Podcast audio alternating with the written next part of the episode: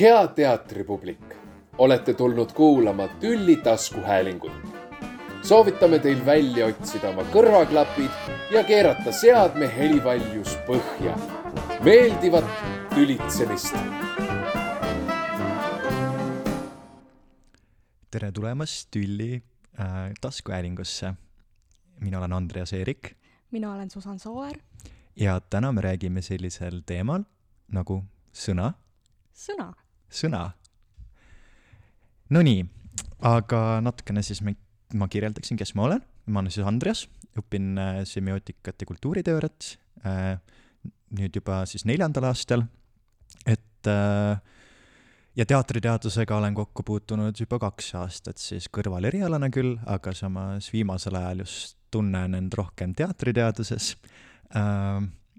kohal olevat ja olen justkui leidnud endale kaaskonna ja sõpruskonna teatriteadusest.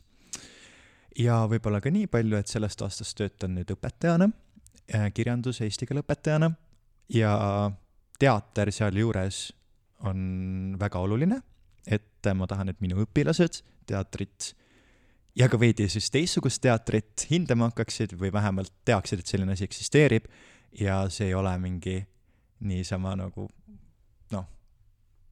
nagu teatrist vahel arvatakse võib-olla, et oh, mis ma selle, sinna ikka lähen ja miks ma üldse maksan nii palju pileti eest ja võib-olla selline asi on mulle oluline. Äh, mina olen Susan ja alustasin oma teatriteaduse õpinguid kahe tuhande kaheksateistkümnendal aastal. Äh, täna olen rohkem Andreasel siin siis äh, nagu sidekick äkki, sest minu äh, uurimissuund on hoopis teises valdkonnas. mina kirjutan oma uurimistööd, oma bakalaureusetööd stand-up'ist, mis ei tähenda muidugi seda, et ma muud teatrit üldse ei jälgiks ja seetõttu ma täna ilmselt siin olengi, et need tendentsid, mis mulle on silma jäänud, neist tuleks siis rääkida koos Andreasega.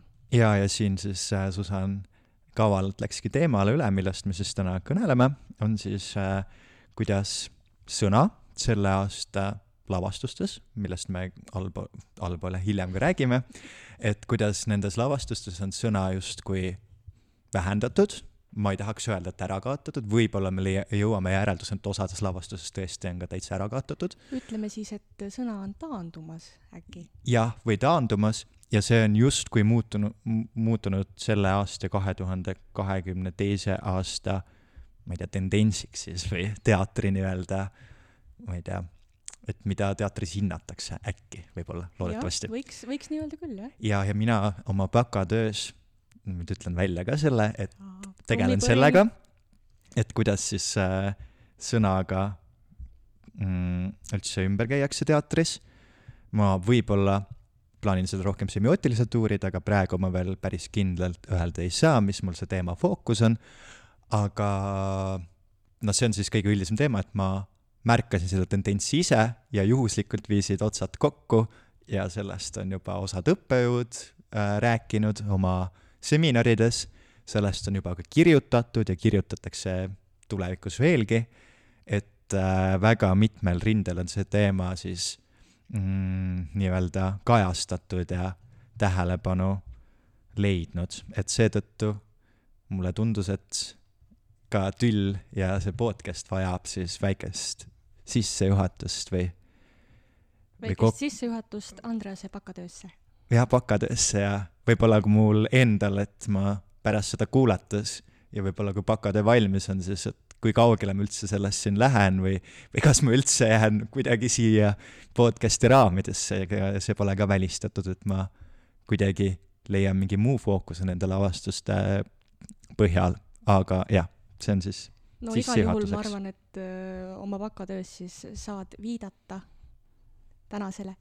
loodetavasti aga kuidas või millal me siis hakkasime märkama äh, ma ei tea, sõna taandumist siis teatrist. minule äh, lõi esimesena või noh, tekkis selline mõte selle aasta Draamafestivalil, kus ma siis äh, nägin kokku üht-teist lavastust, päris hea tulemus tegelikult, ja pärast järele mõeldes ma hakkasin mõtlema, et päris palju lavastused sellised, kus ma sõna ei kuulnud või kui ma kuulsin, siis ma ei tajunud seda kui mingi kandva rollina, et tal justkui see funktsioon oli minu jaoks muutunud, et mis sina arvad, Susan, millal sina umbes seda äh, märkasid? ma just haarangi kinni sinu sellest kandva rolli mõttest, sest mulle see ilmselt kangastus ka kas äkki Draamafesti ajal või veidi enne seda, aga hoopis kuidagi nagu teise kandi pealt, ehk siis mina tajusin rohkem sellist äh, äh, muusikalise kujunduse, helikujunduse positsiooni või tähtsuse tõusu ja sealt edasi hakkas võib-olla, kui seda rohkem enda jaoks hakkasin lahti mõtestama, siis hakkas kuidagi kangastuma see, et hea küll, et äh, muusika osatähtsus kuidagi suureneb, aga samas sellega seonduvalt siis ka sõna osatähtsus ju väheneb. Noh, ja siis me arutasime sinuga seal Draamafestivali lõpus seda ja jõudsimegi, lõi see pirn nagu peas põlema, et ahah, tõesti nii ongi ja ja nii see kõik algas. ja nüüd ka võib-olla etteruttavalt, et stereost me räägime hiljem äh, lavastusest, mis ka justkui sobituks meie diskursusesse, aga me käisime Susaniga paar nädalat tagasi Alice Lokki ja Triin Triinu. Triinu Sikki äh, nii-öelda tudengitöös äh, rääkimas äh,, kus siis nad ma-, magistri tasemel ajakirjanduse kommunikatsiooni mingisse ainesse pidid tegema justkui saate. just, see oligi vist raadiorežii mingisugune algkursus ja nemad kutsusid siis tüllikaid äh, vestlema sinna raadiosaatesse ja see oli hästi-hästi tore, ma loodan, et nad kuulavad meie podcast'i ka praegu. suured tänud ja tervitused neile. ja, ja seal me siis pärast seda salvestust, kus me rääkisime stereost äh,, Uue Teatri stereost, jõudsime tõdemuseni, et see on mingi tendents, et sõna, sõnaga on kuidagi ümber käidud ja just see, võib-olla tol hetkel oli fookus rohkem see muusikaline osa seal, et muusika ja ka kostüümid tegelikult on. Äh, justkui võimust võtmas, mitte nagu kehvas siis või halvas äh, kontekstis, vaid just ongi nagu nad haaranud sõnalt võimu üle, ma ütleks just, niimoodi. see on tegelikult ka täiesti mõistetav, sellepärast et äh, kui me mõtleme, kui palju meie ümber sõna tegelikult on, kui palju me tarbime sellist sõnalist materjali, kui palju sa loed, no kas või nagu noh, ma ei räägi siin ainult ilukirjandusest, aga noh, igapäevameedia, uudised, kõik, kõik see, kui palju me üksteisega räägime, et võib-olla ongi aeg, et sõna siis näiteks teatris äh, jääks mingiks, mingiks hetkeks veidi tagaplaanile. et oleks võimalik äh, mõtestada mingi, mingi muu märgisüsteemi kaudu seda, mis meile näidatakse. just, ja siin me nüüd hakkamegi vaikselt oma teemale aina lähemale jõudma et äh, kas ja kuidas neid teisi siis märgisüsteeme teatris meie lavastuste näidete põhjal on, ma ei tea, kasutatud ja kuidas siis vaataja selle kõigega hakkama peaks saama, et äh, kuidas ta ilma sõnadeta teatrist üldse aru peaks saama ja kus see kõik võib-olla alguse saab. et äh, et võib-olla me siin määratleme ära, mis on sõna et mis sa arvad, mis on sõna, Susan? püha jumal sõna on püha jumal, ei ole sõna püha jumal. Äh, sõna, no esmases kõige lihtsamast tähendusest ta on kommunikeerimisvahend, mis ja. ilmselt seostub ka sellega, mida ma just varasemalt ütlesin, eks ole. Et läbi, läbi sõna, mis on justkui, ma ei tea, lingvistiline märgisüsteem Äh, Lotmani mõttes siis mhm. primaarne modelleeriv süsteem on see, läbi mille me kommunikeerime, aga kõik, mis sinna peale tuleb, et mis kontekstis me sõna kasutame äh,, kas see on kultuurispetsiifiline, kas see on subkultuuri spetsiifiline mm, -hmm. kas see on mõne, ma ei tea, oskuskeele osa, et kõik see läheb juba sinna sekundaarsesse modelleerisussüsteemi, aga me mõtlesimegi, et sõna võiks olla siis sõna tähenduses, et sõna, nii nagu me räägime praegugi, et me ja. kasutame sõnu selleks, me kasutame lingvistilist süsteemi, aga mis meie, meil võib-olla, ma ei tea, see ei ole kindlasti mitteteaduslik termin, aga see lõi mul pähe, et sõna mõne muu märgisüsteemi huvides, et mis sina arvad, Susan, et kuidas sõna saab üldse mõne muu märgisüsteemi huvides funktsioneerida? kuidas sõna saab mõne muu märgisüsteemi huvides funktsioneerida? aga miks ei saa, kindlasti saab. sa mõtled siis, et sõna justkui mõne muu märgisüsteemi toetajana?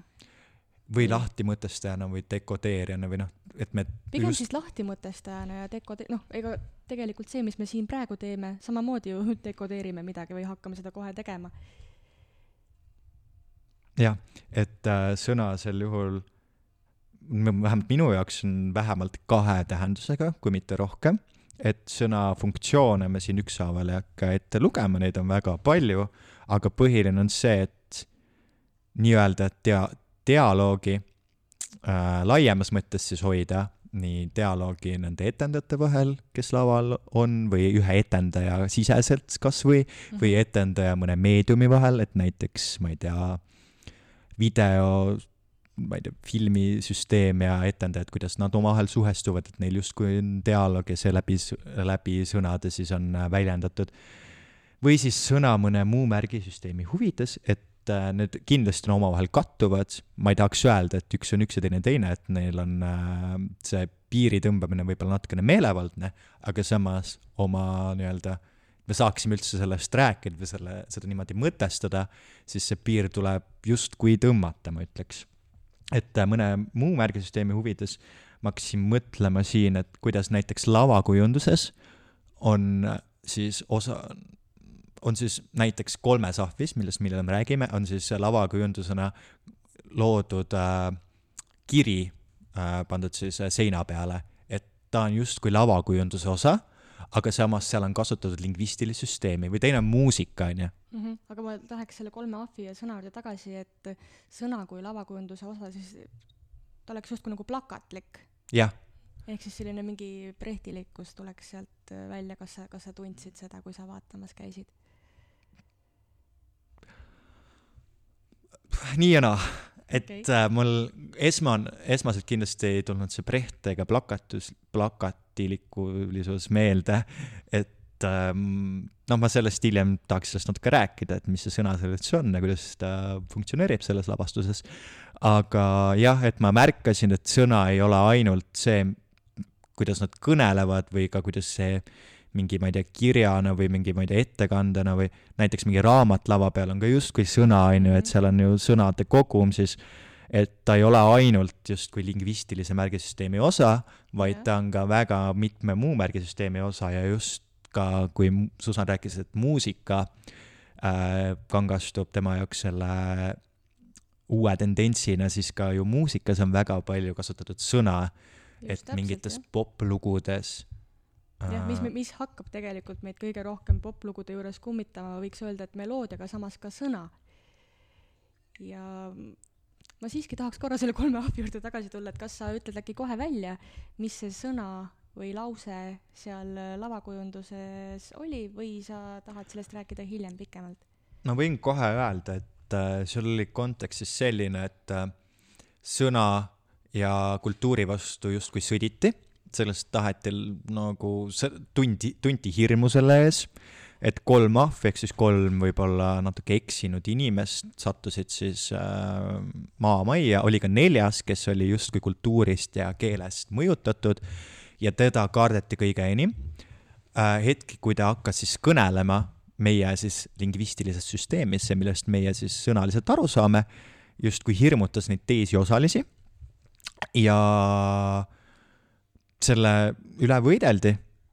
Ja, ja hetkel, mil see neljas tegelane siis äh, äh, hakkas rääkima ühe nukuga sest et Nukuga ta sai rääkida, tema ei hakanud talle vastu, ta rääkis temale muinasjutte, mis, millel on ka selline küsitavus, et kas ta on nüüd kommunikatiivne vahend või on ta mingi lihtsalt, et ma räägin midagi, mingit juttu, et äh, seal on see küsitavus olemas, aga sellele satuti peale nende teiste tegelaste poolt ja Nukuga käituti väga jõhkralt ja see näitab väga suurt sellist statement'i või sellist, et oh, see sõna on nagu justkui ründevahend, et see nagu tahab. intelligents on hirmutav. jah, just, et äh, nad oma kastis olles, selles korteris olles, nad nagu proovisid sõnast ja kultuurist hoiduda, ka uudistest hoiduda, ka muust võib-olla ühiskonnas toimuvast, aga ühiskonnas, konda sõnastatakse tihti läbi või üldiselt läbi sõnade ju.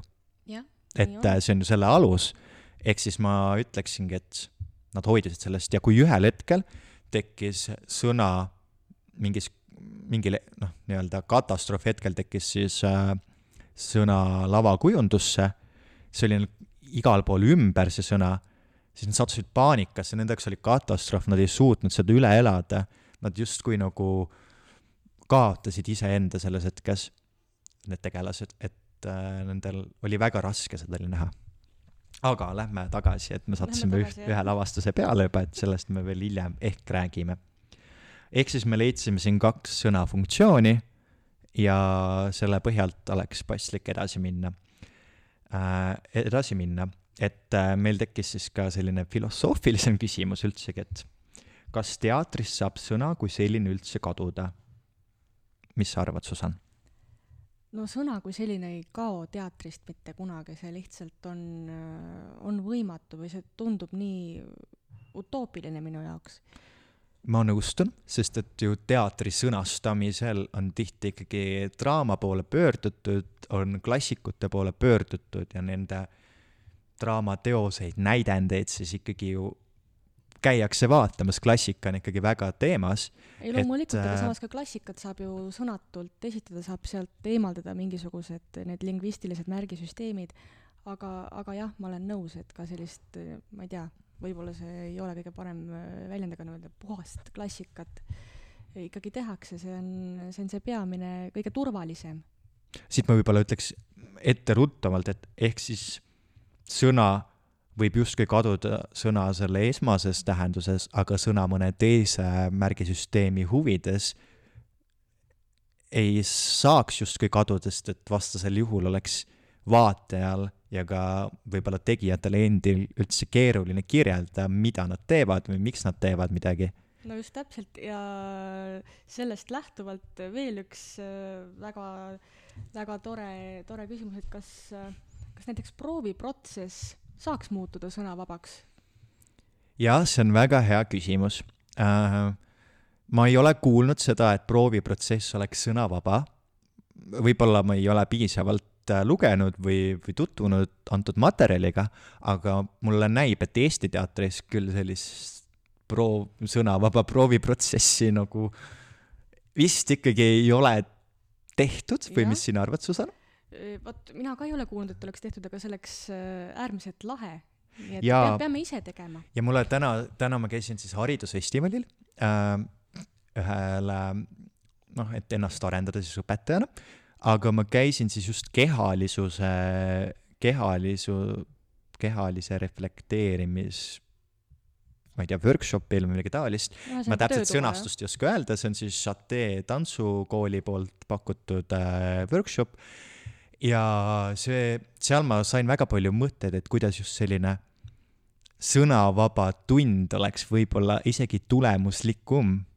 see on väga ja. keeruline, see kontseptsioon peab olema väga paigas nii õpetaja või see, kes siis, siis nii-öelda seda annab, kui ka õpilase jaoks, aga mina kannaks sellega sama hästi üle ka lavastamisprotsessi, et kui lavastajal ja need, kes seda etendavad, on kontseptsioon paigas ma ei tea, kuidas seda kontseptsiooni peaks väljendama ilma sõnadeta, ilma tekstita, kuigi ma arvan, et see on võimalik, et läbi mingi pildiliste või läbi muusikaliste kogemuste ja atmosfääriga ja no, sellise, on ju, et see on võimalik, aga siit võib-olla ongi küsimus, et kui me räägime sõnadeta teatrist, siis peaks olema ka nagu lavastamisprotsess ja kõik see eelnev. peaks olema sõnadeta? jah ma ei tea, kas just peaks, aga võiks lihtsalt. või, või võiks jah, et kas peaks, aga see ongi see, et kuivõrd nagu me defineerime, mis see sõnadeta lavastus siis on, et noh, kui minna sõna nagu..., sõna puudumine ei tähenda ju vaikust. jah, jah. ja siit veel täiesti edasi, et äh, ka kriitikutele. Andres lihtsalt harks sigast. Äh, kriitikutele veel selline nagu üleskutse, et pro-, et äh, kui me räägime sõnavabast prooviprotsessist, mis võib, võiks olla teemaks, siis võiks olla ka sõnavaba kriitika see on väga keeruline. ehk siis et... lähed, äh, lähed äh, mingisugust etendust vaatama ja sulle ütleme, ei istu mingisugune detail, mis sulle, sulle silma hakkab ja siis hakkad lihtsalt karjuma täiest kõrist. Jaa, ja siis aga kui sa isegi karjudes ütled midagi, siis sa kasutad ikkagi lingvistilist süsteemi. Mina näeks võib-olla sellena, et me oleme mõnda, mõni aeg tagasi, kui tomatitega loobiti ja näiteks mm. -hmm. seda Van Goghi maali tomatitega loobiti, et seal ju justkui see tomat oli saanud endale väga suure tähendusvälja juurde. Nad loopisid seda maali sellepärast, et äh, näidata keskkonna nagu probleeme, aga kui näiteks teatris tomatitega loobitakse, siis kas see oleks kriitika või mis ta, mis ta oleks sinu arvates? see oleks kindlasti kriitika, nii et kui Andreas järgmine kord teatrisse läheb ja keegi teda märkab, siis äh, hoidke piip ja prillid. võib hakkama, võib hakata asju lendama. ja, ja mina defineerin seda siis uue, uue kriiti-, kriit-, kriitika nagu, ma ei tea, väljundina, et lähme natukene ajas tagasi võib-olla, et kunagi seda tehti, aga et kas see mõtestamine peab just läbi keele toimuma. et no ilmselt on ka muid asju peale tomatite loopimise, mis justkui toimiksid kriitikana võtad viiuli kaasa. ja läbi muusika või läbi maalim-, no maalimine võib-olla on see teine, et kus, kusjuures sinna kantakse maali sisse see justkui see kriitika mingist arv, nagu teosest. aga, Aga see on- üldjuhul on ka ju see, et kriitika, vabandust, ma segasin sulle vahele, aga kriitika peamine funktsioon oleks justkui ju vahendada, tõlgendada, mõtestada ja et see jõuaks ka nagu noh, massideni. ja siis sel juhul oleks juba mõtestatud mõtestamine. et, et kui on juba keegi teose ära mõtestanud ja sa justkui teed mingi maali, mis on ka ju kunstilise väärtusega, võiks ju olla, et siis ta on ju justkui mõtestatud mõtestamine, et ta läheb nii-öelda, ta ei ole enam metatasand, ta on mingi tetratasand või ma ei tea, kuidas seda sõnastada, on ju. jällegi täiesti uus kunstiteos. ja omakorda kannab ta uut kunstilist potentsiaali, et see on väga huvitav küsimus ja võib-olla kui, kuivõrd see ilmselt ei saa niipea nagu, ma eeldan, et see ei saa niipea nagu teemaks omaette, siis vähemalt teatri nagu uuringutes või vähemalt sellistes nagu käsitlustes võiks võiks seda ikkagi mõelda sellele võib-olla, et kas kriitika ja sõnavaba teatri arustamine äh, saaks toimuda ka sõnavabalt. jah, võta, võtame plaani. Nonii, aga nüüd lähme siit edasi, et äh, me oleme ära rääkinud, et mis see sõnavaba teater siis meie jaoks justkui on äh,. antud teemal näiteks on, või mitte antud teemal, ta on siis sarnasel teemal või mis mulle kuidagi sisendit on andnud, on üks semiootika bakalaureuse töö, on Saara-Liis Jõerand, et äh, ma tema bakatöö pealkirja praegu ette ei hakka lugema, aga ta siis kaitses töö, et kus ta rääkis siis lingvistilise märgisüsteemi funktsioonidest posttraumaatilises teatris. et äh, juba need kaks on ju justkui omavahel natukene nagu dissonantsis või mis sina arvad Hmm. okei okay,, posttraumaatiline teater ei ütle, et ei tohi, tohi nagu sõna kasutada, aga ta paneb äh, sõnale justkui selle olemuse, et äh, et teised märgisüsteemid on sama, samal tasemel kui sõna või jah, et et nad pigem ongi seal see, et sõna ei ole primaarne. jah, aga mis sa arvad, et äh, et äh, see lingvistiline märgisüsteem, et mis need äh, funktsioonid võiksid olla siis hmm. Lingvistilise märgisüsteemi funktsioonid mm? mm., -hmm. ikkagi esmalt äh, anda seda narratiivi edasi. ja narratiivi edasi, et äh, Saara-Liis on siin äh, väga mitmetele huvitavatele teatriteadlastele viidanud, kes võib-olla ei ole meil teatriteaduses siis selline abc, vaid pigem nii-öelda äh, pigem nii-öelda, ma ütleks perifeersed siis Hmm. et neid väga ei loeta, aga tema on justkui öelnud seda, et äh, äh, äh, öelnud või kasutanud siis ühe Argentiina teatriteadlase küsimärk, ma loodan, et ma praegu siin äh, väga kõrvale ei öelnud, et äh, kasu-, kasutan siis tema neid äh, määrutlusi või tema siis äh, teatri, teatrialaseid töid ja kus ta siis räägibki lingvistilisest äh, süsteemist teatris ja kokku oli siis kolm põhilist funktsiooni, millest ma ei hakka neid täpsemalt lahti kirjeldama, sest ma päris hetkel ei ole aru saama sellest, et miks või üldse, miks selle üle veel nagu mõelda, kui seda juba tehti mõnisada aastat tagasi või mõni aastatuhat aastat nagu tagasi Aristotelese poolt või et aga seda on justkui edasi arendatud, et äh, sellepärast tulebki selle üle uuesti mõelda, et see edasiarendus on toimunud. Jah, et äh, ja siin on funktsioonideks näiteks on, et edastada tegevuse väljendamata aspekte, näiteks tegelase mõtteid on kee-, on keeleline süsteem väga hea. aga seda saaks sama hästi ka mõne muu vahendi abil teha minu arvates, aga tegevuse kujutamata aspekte, näiteks fiktsionaalses minevikus toimunud sündmused, et justkui see, mis minevikus toimus, on ju, fiktsionaalses minevikus, et me ju lava peal ei näe seda, mis minevikus toimus.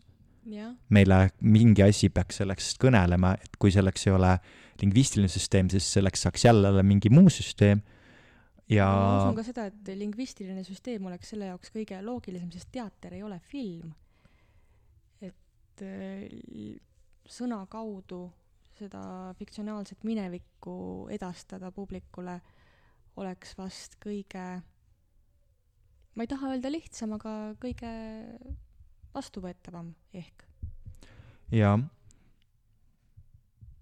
jah, et äh, mõned äh, need funktsioonid me loetlesime ette, mis siis võib-olla on lingvistile süsteemile kõige nagu omasemad, kõige kergemad, neid on kindlasti veel ja nende üle saab kindlasti teatri teadusealastes töödes leida, leida ja ka just see Luule Epneri abc, et see, mis ta kirjutas, on ju, et ka seal on väga põhjalikult öeldud ja väga selgelt samas öeldud, aga jällegi on see, et on neid kõrvalekaldeid ja nüüd me hakkamegi rääkima lavastustest, mida me siis näinud oleme ja kus me siis püüame seda sõna olemust kuidagi, kuidagi teile selgitada või ka iseendale selgitada siin vestluse käigus. Nonii.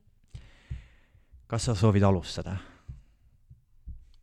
okei ma alustan, ma alustan siis ise no võtame esiteks Tartu Uue Teatri lood, äh, mis siis äh, on Renate Keerdi lavastus. lood, võime hakata juba selle pealkirja mõttes minema, et äh, lood, me eeldame, et seal räägitakse mingit lugu, mingit narratiivi. kas tavaliselt seostub narratiiv sõnaga, mis sa arvad, Susanna? no absoluutselt. primaarselt ta kindlasti seostub sõnaga või ja. sa arvad teisiti? no mingi, kui minna mingi rituaalsuse juurde ja selliste vahendite juurde juba, siis ka võiks ju narratiiv olla ka justkui mingi mit-, mittesõnaliste vahenditega edastatud, aga ja. üldiselt, kui me räägime, ma ei tea, läänemaises kultuuris, siis sõna on ikkagi narratiivi alus või vastupidi, narratiiv on sõna alus või noh, nende vahel on igastahes tugev seos olemas, kuigi on ka erandeid nendest me praegu siin edasi ei kõnele, aga et just need, just see pealkiri, need, et lood, et äh, lood on selles lavastuses siis kolmes eri variandis. Ma veits siis võib-olla spoilin ette, aga lood siis, kui räägitakse omavahel, on ju sellised justkui, ma ei tea, koomilisi mingeid jutukesi, millel pole nagu, lihtsalt räägitakse, et need omavahel seostuvad keeruliselt, kui üldse, et äh, lihtsalt kõneldakse millestki, mis, mis on, mis on tore, ma ütleks, et seda on tore jälgida. teine loodi asi on seal siis, kus siis lavakujunduses on äh, lood äh, kui mingi mõõtevahend, et äh, seal võib ka tekkida küsimus, et kas see loodi kasutamine on natukene ka, ma ei tea, sürrealistlikult tehtud või et kas neid nurgelisi kujundeid, mis kohati ei olnudki nii nurgelised, et või nii loodis, et sealt noh, irooniat natukene lugeda välja loodi kohta, on ju. Mhm. ja kolmas, jah, et ja. see tasakaal või siis see nii-öelda äh, arhi-, arhitekt-, arhitektne, arhitektuurne, ma ei tea, see on nagu mõtestatus, et selle üle võib-olla natukene visati nalja isegi, ma julgeks öelda. ja kolmas siis lood kui muusika mõttes lood, et seal mm -hmm. oli siis äh, muusikatasand olemas kus siis erinevaid äh, vinüülplaate kasutati kostüümidena, kus mängiti erinevaid vinüülplaate, et sai ka justkui ja need pandi omavahel kokku miksima, et see oli eriti huvitav, et sellised väga algelised need vinüülplaadi mängijad pandi mängima lugu, mis kokku moodustas nagu justkui kaose, aga noh, mõne jaoks muusika, mõne jaoks võib-olla mitte, et äh, need lood kolmel tasandil aga siin siis on mängitud selle sõnalise süsteemiga niimoodi, et esimeses osas, esimeses loodi osas on sõna väga teemas, teistes kaob ära, et mis seal ära kaob, Susan, kas sa mäletad? Ei mäleta? et noh, kui ma rääkisingi, et teises osas on äh, see lavakujundus nii-öelda ja, ja see kontseptsioon lavakujunduses tekib minu arvates primaarseks, sinna juurde ka valguskujundus ja muusikaline lahendus, et äh, seal justkui sõna enam ei kasutata ju jah, nii oli. ja viimases osas seal, kus lood äh, muusikalises mõttes, et seal ju muusika hakkab kandma eraldi rolli äh,. Kuid siin ma ütleks, et sõna on äh, justkui selle mõne muu märgisüsteemi nagu märgisüsteemi kaheldatud, sest et lav-, et, sest et äh, plaatidele on ju kirjutatud mingid märkmed äh,. kas või siis selle muusikapala või selle konkreetse plaadi või teose pealkiri, eks ole. ja et Esitaja ikkagi mingi, mingi sisendi saab vaataja on ju sellest kirjast, mis seal plaadi peal on ja ka muusika enda sees on mingid ingliskeelsed sõnad vist mõned olid mm, -hmm, et äh, ma päris kindlalt praegu ei hakka viitama, mis seal oli, aga siiski sõna on siin taandunud ja taandunud just sinna teise funktsiooni, mida ma eespool mainisin, ehk siis mitte selle sõna sõna funktsioonis, vaid sõna mingi muu märgisüsteemi funktsioonis. no nii. nagu toena. Jah, et üks esimene lavastus loodis on nii juhtunud, et sõna on päris funktsioonis, aga on ka justkui mingi muu, jah. just, super äh,. räägime siis näiteks äh, Ojasooja Semperi seitsmekümne kahest päevast, kus ka sõna ju ei, ei olnud, ei eksisteerinudki. Ja... sõna siin tõesti on ikka kõvasti vähem kui loodis, ma ütleksin mm. -hmm. Äh, siin oli üks muusikaline pala, ingliskeelne muusikaline pala. jah, no ma praegu oma tõlgenduses mõtlengi seda, et sõna või noh, sellist sõnalist dialoogi siis etendajate vahel ei, ei eksisteerinud. muusikalises, muusikalises palas tõesti oli ta olemas ja mina hakkasin äh, hiljem pärast, pärast seitsmekümne kahe päeva vaatamist mõtlema sellele, et kas, kas ja kuidas seda seda lavastust saaks, saaks ümber teha nagu puhtaliselt, puhtalt sõnaliseks, sest tegelikult alusmaterjal on ju Nelli Bly seitsmekümne kahe päevaga ümber maailma. ja kas see üldse töötaks, kas see üldse oleks midagi, mida tahaks, tahaks näha? Kuidas ja, sulle tundus? jah, et kuna ma olen seda raamatut ka lugenud ja näinud ka nüüd seda lavastust, et äh, nende omavaheline seos on noh, peaaegu olematu, ma julgeks öelda, aga siiski mingid, mingid tajuta. sisendid on olemas, et on mingid äh, võib-olla, et hästi tegelaste rohke, on ju, ja mhm. justkui niisuguse pildilisus, on ju, mis seal, nad justkui võtavad mingid poosid sisse, kanna, kandes eri kostüüme äh, ja pildilisus või pildid olidki ju selle äh, teose kõrval ju lavastuse algmaterjaliks. jah, et justkui mingi nagu seos on olemas aga see sõna osa seal on ikkagi meelega maha mängitud, et ma ütleks, et kui siin, kui see oleks sõna, sõnateater, siis nagu sellises mõttes, et äh, sõna on sõnalises mõttes oluline või funktsioneerib sõnalises mõttes, siis ta muutuks võib-olla lihtsalt draamateatriks või draamaliseks ja sellisel juhul ei mängiks minul nende noorte tüdrukute noh, nii-öelda ma ei tea, seksuaalsusega mängimine, et siis oleks lihtsalt kuidagi nagu meh, et miks, miks veel tänapäeval, aga just kui seda sõna seal ei ole, siis ta õigustab minu jaoks ennast ära, et seal on nagu just täpselt sellepärast, et kui sõnaline märgisüsteem sealt taandada või kaotada, siis see annab ju äh, rohkem vabadust äh, iseenda jaoks seda nähtut mõtestada, et see nii-öelda konkreetne raamistik, mida sõna ju tegelikult pakub, justkui taandub. ja see on ilmselt ka põhjus, miks minu jaoks see lavastus kuidagi väga, väga korda läks. jah, ma ütleks ka sama, et see lavastus läks minule tõesti väga hinge. ma olin sellest lummatud ja seda lummust tekitas just võib-olla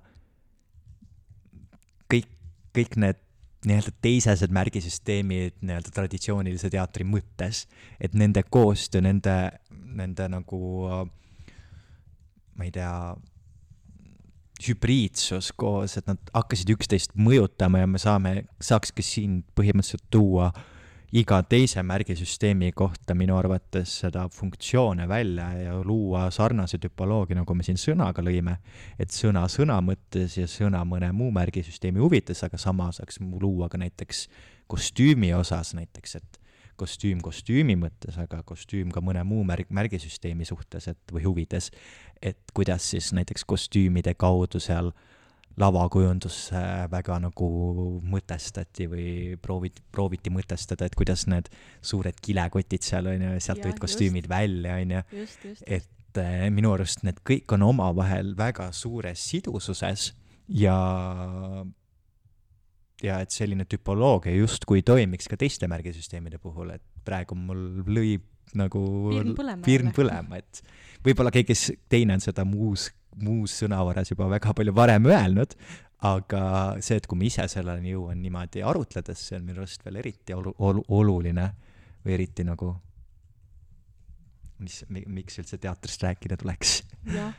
aga kas me lähme nüüd kolmanda lavastuse juurde? Lähme et kolmandaks on siis selline võib-olla üks väga huvitav lavastus Riina Maidre Yoko Ono motopeemid, mis siis äh,, mida ma nägin selle aasta kevadel Tartus ja tegin seal ka siis väikest äh, nii-öelda mõtestamistööd, et ühe aine raames, teatriteaduse aine raames pidin siis natuke sellega tööd tegema, aga seal mina näen, et seal on taaskord sõna kasutatud sõna selle siis esimeses äh, funktsioonis, aga sõna ka selle teise, teises süsteemis ja mind hakkas siin huvitama see, et Yoko Ono on siis üks Jaapani luuletaja äh,, Riina Maidre siis kasutab tema äh, teoseid äh,, selliseid poeeme, väga sellist ühiskonnakriitilist, keskkonnakriitilist, üleüldse nagu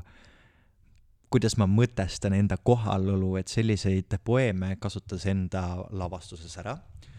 Äh, siin justkui ei ole dialoogilisust või dialoog hakkab olema nende poeemide vahel, võib-olla ma ütleks, aga ka publikuga, et ta küsib publikult küsimusi,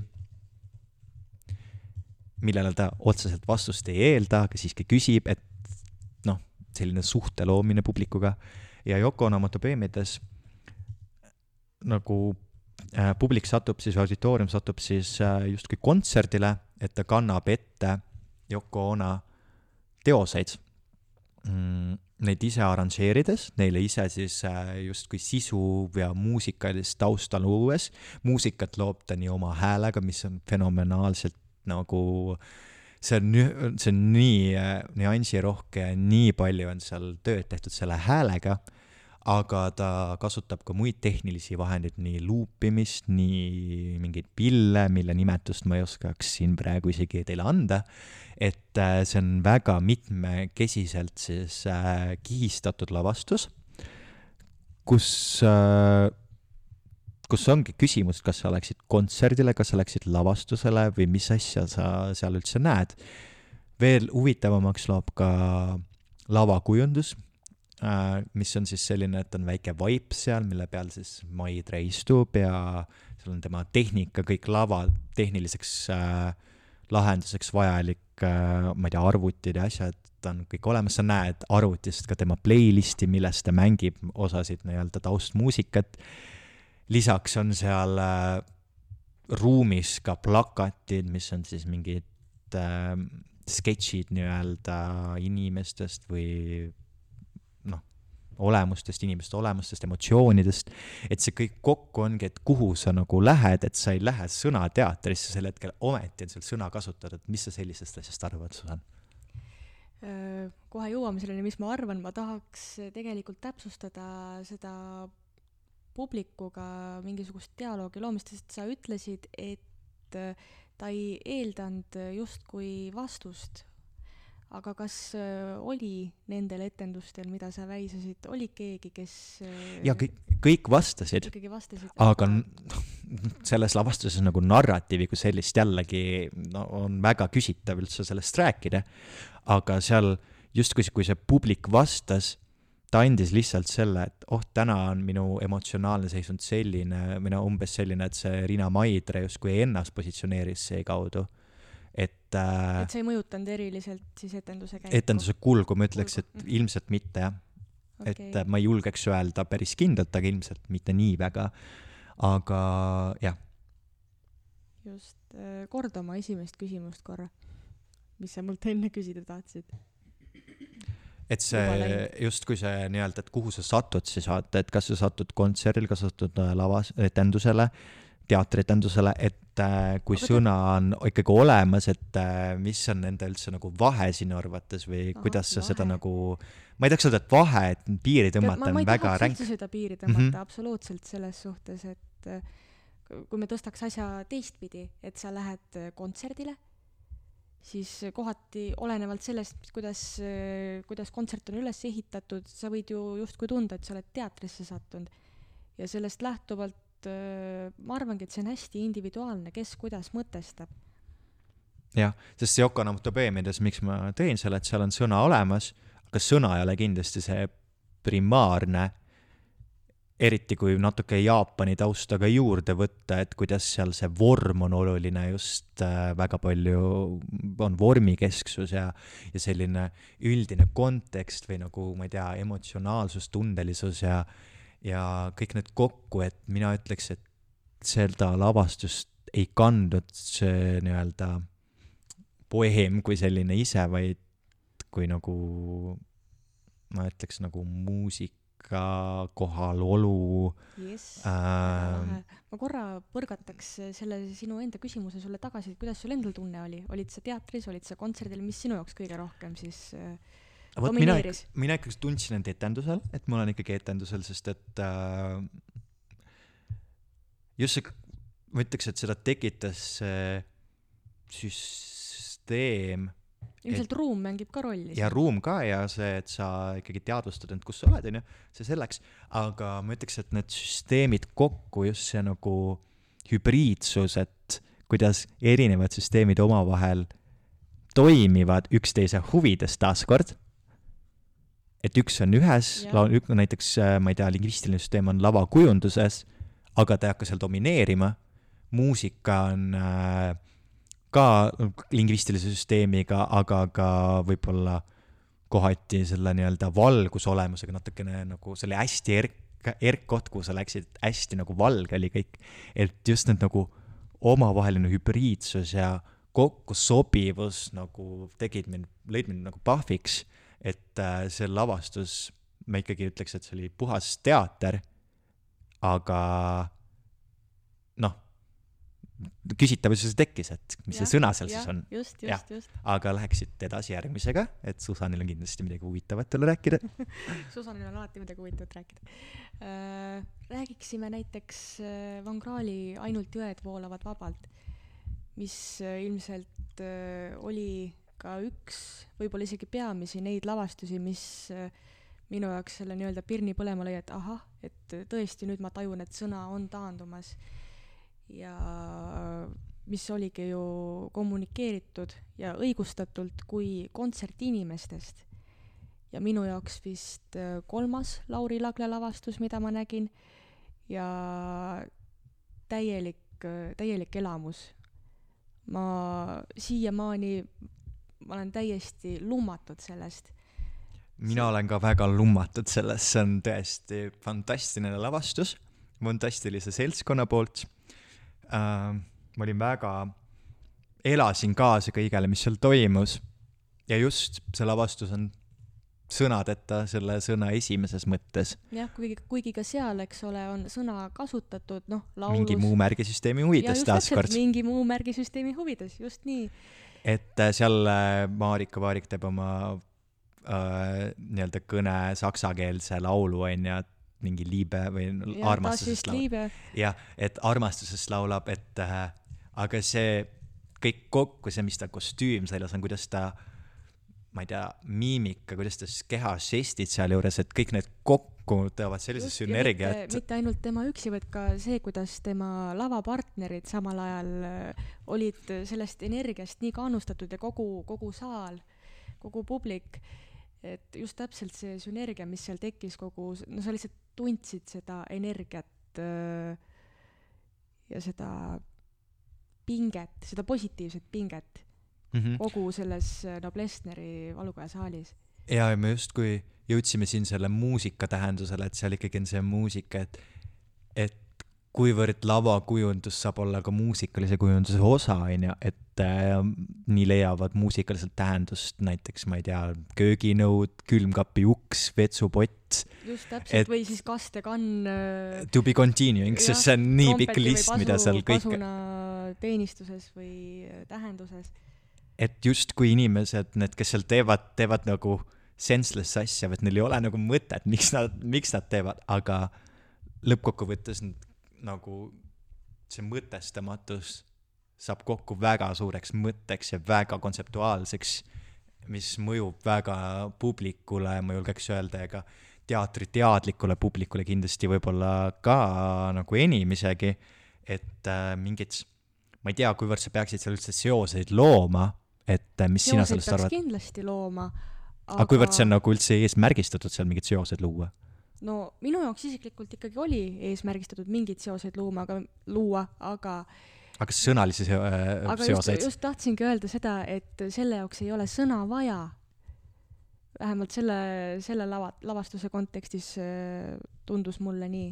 ja ma saadaks selle lavastusega lihtsalt Facebooki smiley, kus on see D, vaata, paned D ja see on see, mis ma sealt sain mm, -hmm. et ma ei tea, kirjutage enda arvustus smailidega, emotsidega, vaadake, mis välja tuleb, minu arust see oleks väga äge.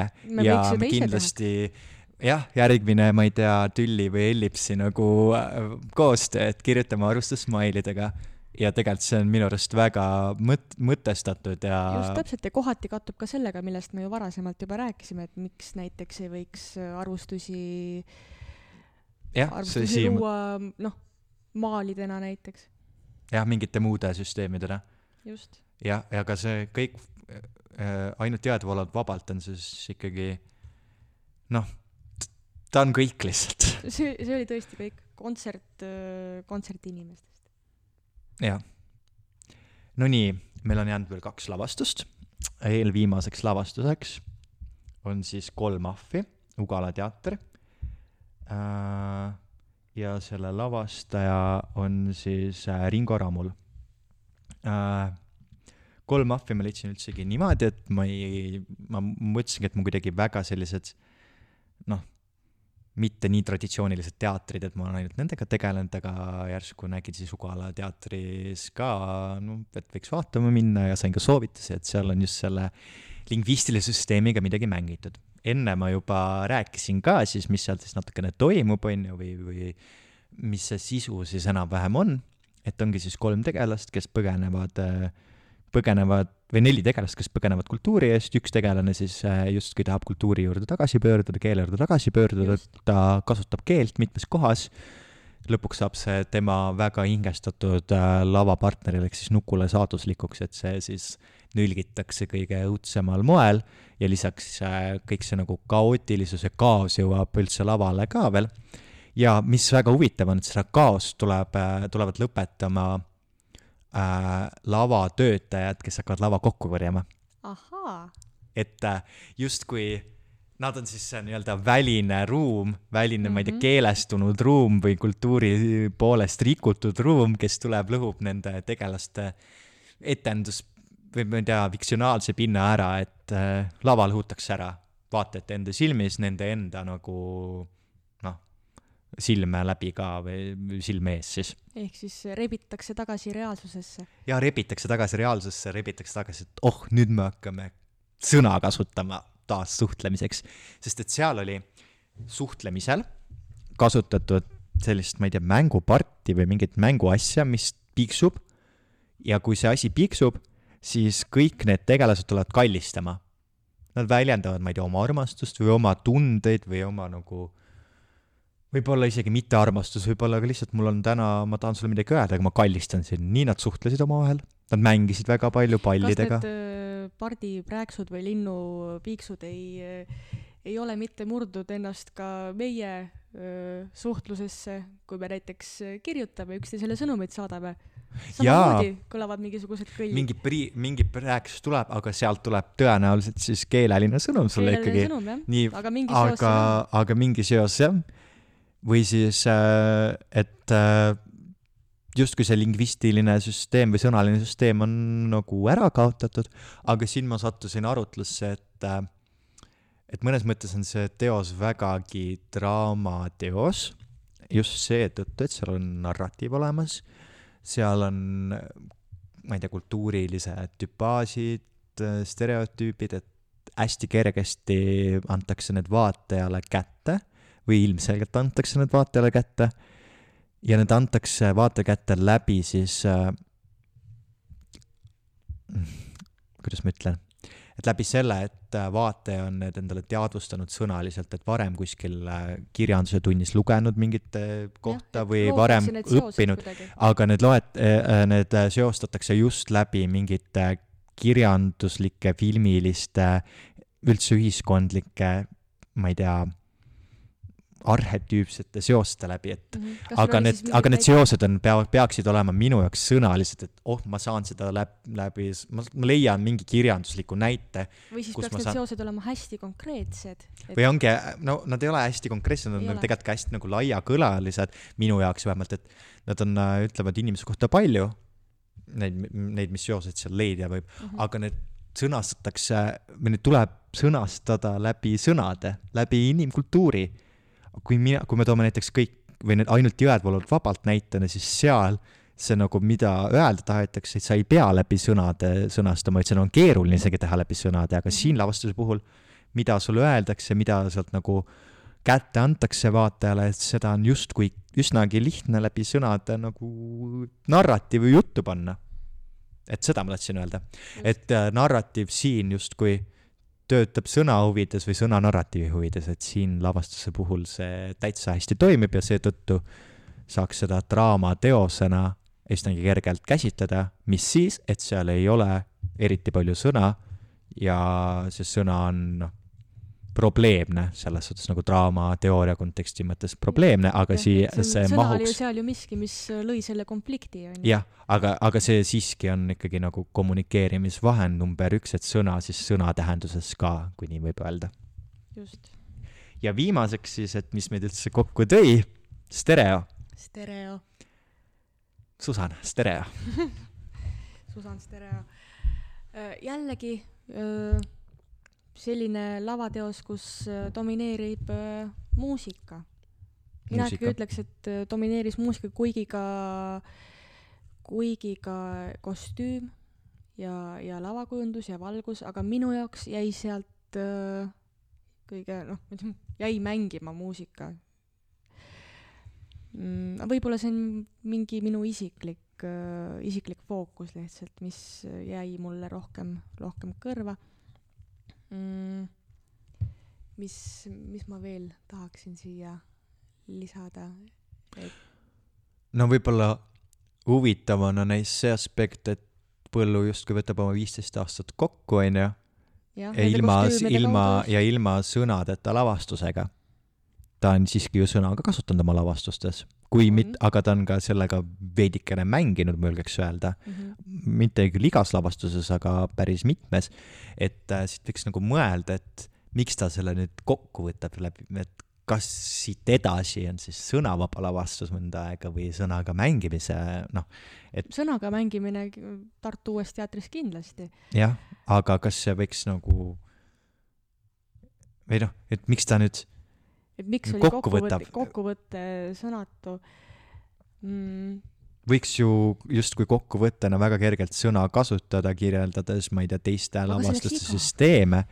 jah, aga kas näiteks need kostüümid toimisid sinu jaoks viidetena teistest lava, teistest lavastustest? tead et..., ma ütlen seda, et äh, ilmselt oleks toiminud teravamalt, kui ma oleks äh, Põllu ja Tartu Uue Teatri varasema loominguga ka hästi teravalt kursis või ise seda näinud. jah, see peaks olema mingi klausel või mingi hoiatus, BS vaadatav ainult kümneaastase tuti vaatamiskogemuse põhjal, vaata, et umbes niimoodi, siis võib-olla tõesti. jah, sest noh, kangastusid mingid hilisemad, hilisemad asjad, ilmselt hilisemad viited, sellepärast et minu vaatamiskogemus Tartu Uues Teatris algab umbes äh, lavastustega, mis tulid välja, ütleme, kaks tuhat seitseteist, kaheksateist, kuskilt sealtmaalt alates.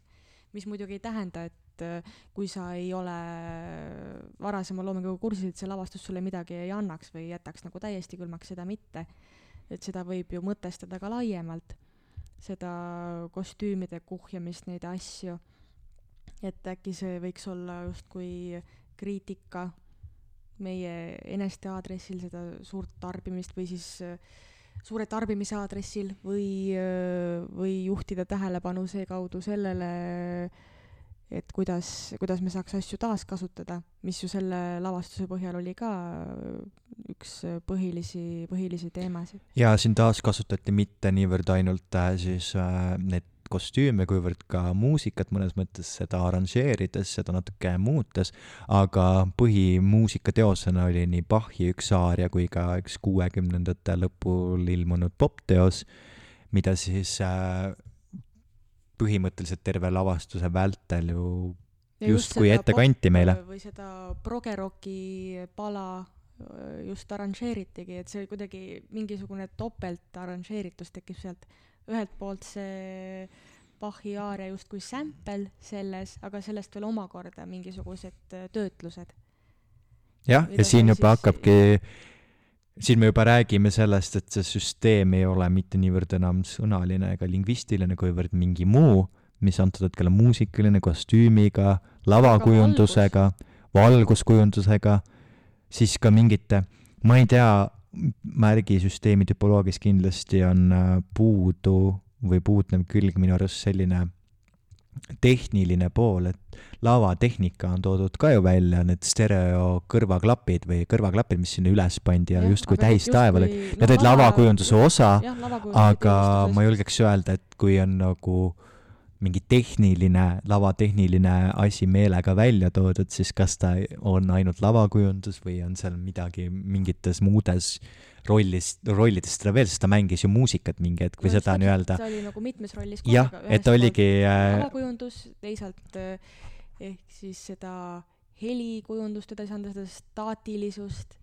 jah, et siis see lavakujundus või justkui äh, mõne muu märgisüsteemi huvides ka, kui nüüd tahame ja jälle siia ka, tagasi ka tulla. kujundus, sellepärast et äh, need kõrvaklapi äh, tuled, mis siis äh, viitavad sellele, et noh, et nad on sisse lülitatud, sisse lülitatud, et nad on töös, minu jaoks mõjus justkui tähistaevana.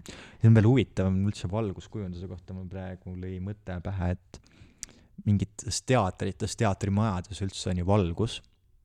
sa lähed saali, sul on mingi valgus mis funktsioonis ta siis on? ta ei ole veel etendusosa. mis funktsioonis on valgus, kui ta ei ole veel etenduse osa, no ta on pragmaatiline funktsioon no,, et see inimene leiaks oma koha üles. et minu arust on valgusel eriti nagu väga märgiline süsteem, et mil hetkel on ta pragmaatiline, lihtsalt see, et sa näeksid, mis laval toimub, mil hetkel on ta see, et sa ei näeks, mis laval toimub ja mil hetkel ta hakkab siis nagu lavastust kui sellist nagu sisuliselt, süseeliselt nagu mõjutama või seda oma lugu rääkima. et see on väga huvitav üleüldse nagu selliseid asju, et nendel süsteemidel on nii palju rohkem äh, funktsioone, kui tegelikult nagu esmapilgul paistab. ja ka mina näen, et teatri semiootikal on selles suhtes potentsiaali, aga seda potentsiaali tuleks ümber mõtestada. ja ma ei ütleks, et seda peaks tegema nii, nagu äh, meie täna siin nagu tegime, see on ainult üks võimalusi natuke lahti luua, ilmselt on keegi nendest rääkinud, aga vähemalt tulevikus seda meetodit või süsteemi kasutada oma töödes, siis äh, tasuks sellele mõelda ehk, et et ühesõnaga podcast'iga täna, täna lõpetame, siis lähed, lähed kirjutad ühe artikli?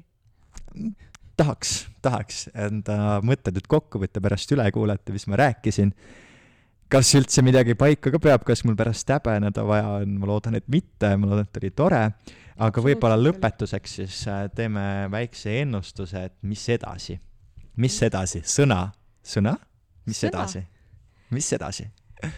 mul on, no ma olen pessimist. Oma, oma loomuse peale pessimist ja ma arvan, et äh, sõna taandumine, sõna taandumine ka taandub lõpuks. ehk siis äh, hakkab rolli mängima võib-olla ta uuesti.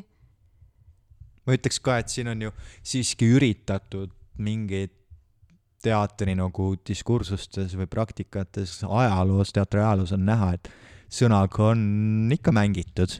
see ei ole ainult praegune kaks tuhat kakskümmend kaks aasta teema äh,. seda, sellest on ka kirjutatud mingil määral artikleid või sellele pandud, aga sest on kohe pandud posttraumaatilisuse mingi tempel juurde, mida mina nende lavastuse puhul ei tahaks veel teha. ilmselt seal mingit seost ikkagi on võimalik leida, aga kas sõnast vabanemine võib ka Draamateatris nagu seda ma ei usu. et ei, ma ka ei usu, et see saab eraldi. samas siit võiks juba mõelda, mõelda laiemalt, et äh, mis üldse nagu laiemalt ühiskonnas toimuma mm -hmm. hakkab, kuidas sõna äh, kui selline seal, seal muutub. jah, sest tänapäeval me näeme, et kuidas kanna. noored ju aina rohkem videote kaudu, mis on ikkagi teksti tarbimine, teksti semiootilises mõttes tarbimine, et sul on mingi tekst, mida sa tarbid, aga see ei ole sõnaliselt väljendatud, vaid mingil muul moel väljendatud. et kuidas see on, nagu lühi TikToki videod on ju võimust võtnud, kuidas emotsid, me aina rohkem saame võib-olla inimese kohta ja kui me natuke teda tunneme, et saadame mingi emotsi, saame aru, mida ta mõtleb, me saame isegi aru, kui ta saadab selle emoji irooniliselt või niimoodi, et ta ei mõtle tegelikult seda. me oleme sisuliselt, me tajume selle juba ära enda jaoks, et sel juhul meil on mingi uus süsteem justkui avanenud, mis on natukene tõuganud seda keelelist kasutust siis äh, vähemaks või ma ei ütleks, et vähemaks, aga lihtsalt sellele konkurendiks nii-öelda tulnud. ja jah ja siin ju kogu aeg arutletakse selle üle, et kuidas, ma ei tea, noorte või üldse keskealiste keelekasutus on selline kehvem. ma selle üle praegu üldse ei tahaks mingit nagu arvamust avaldada, jäägu see nende pärusmaaks, aga siiski on täheldatud seda, et informatsiooni tarbimine ja, ja see nagu on muutuses ja muutumas. Ja kas keel ja sõna on ma ei tea, viie aasta pärast enam primaarne, võib-olla veel on, aga kas enam kahekümne viie aasta pärast enam on, vot äkki leitakse mingeid vahendeid, mis justkui kiiremini veel mõjuvad. jah, aga samas sõnaga me tarbimine on ka igatepidi positiivne, et me teeme kõike hästi kiireks, meie see tähelepanuvõimekus, just sa rääkisid siin TikTokist, see ju väheneb. jah, aga see ongi kiirelt, kähku ja hästi värviliselt jah, ja see on küsimus omaette, et kas see on väärtuslik, no mina ütleks, et areneda tuleb ja mida kiiremini info omandad, seda rohkem, seda targemaks sa nii-öelda saad ja okei okay,, mõtlemise aspekt sealt võib-olla välja arvata, sa võib-olla ei mõtle selle juures nii palju, aga just see nagu infokiirus, et su pea on nagu Google, sa leiad mõne sekundiga mingi vas-, vaste, vaata. et äh, see, just see, kuidas infot vastu võetakse, et see on, see võib-olla on pigem suurem küsimus tulevikus teatri kontekstis. sellele kindlaks, et sõna ei kao, sõnad on taandumas, noh, minu tänaste arvamuste põhjal kõige rohkem siis jääb ehk domineerima see heliline märgisüsteem, just see helikujundus, kui me räägime teatrist. aga kindlasti ka noh, füüsiline, füüsiline väljend. jah, kehalisus, kehalisus ja justkui siit võib-olla ka haridusasutustele natukene ettepanek, et mitte ainult niivõrd sõnaliselt kõike analüüsida, kui ka muid, muid äh, meetodeid pidi ja just seda võib-olla kehalisust ja, ja muusikalisust, et seda et taandame sõna ka teistes valdkondades. jah, ma ei tea, kas, ma ei tea, kas seda taandame, aga vähendame. mõtestame seda. Ja aga aitäh täna meid kuulamast, et meil oli väga lõbus tunnike teiega, Susaniga rääkida, me oleme selle üle juba tunde arutlenud, arutasime seda. Ja kui keegi soovib meiega isiklikult sellel teemal arutleda, siis me oleme väga päri, eriti mina, kes ma siis loodetavasti kevadel bakatööd sarnasel teemal, kui mitte päris samal, siis sellega ühenduval teemal kaitseb, küll Semiootika Instituudis, aga siiski jah, aitäh sulle, Andreas, selle, selle vestluse eest ja, ja jään seda bakatööd ja seda artiklit siis ootama. valgesse uttu kaovad kõrged linnad, valgesse uttu madal sadam kaob, valgesse uttu tuleb kõigil minna. Misty Town, Misty Town, Misty Town.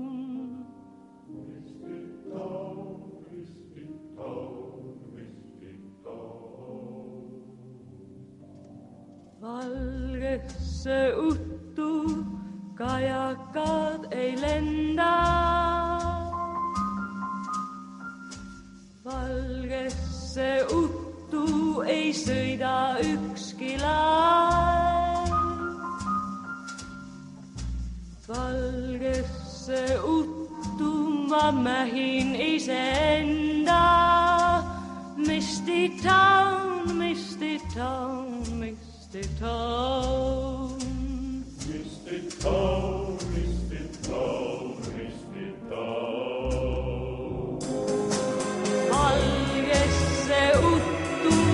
town. valgesse uttu ka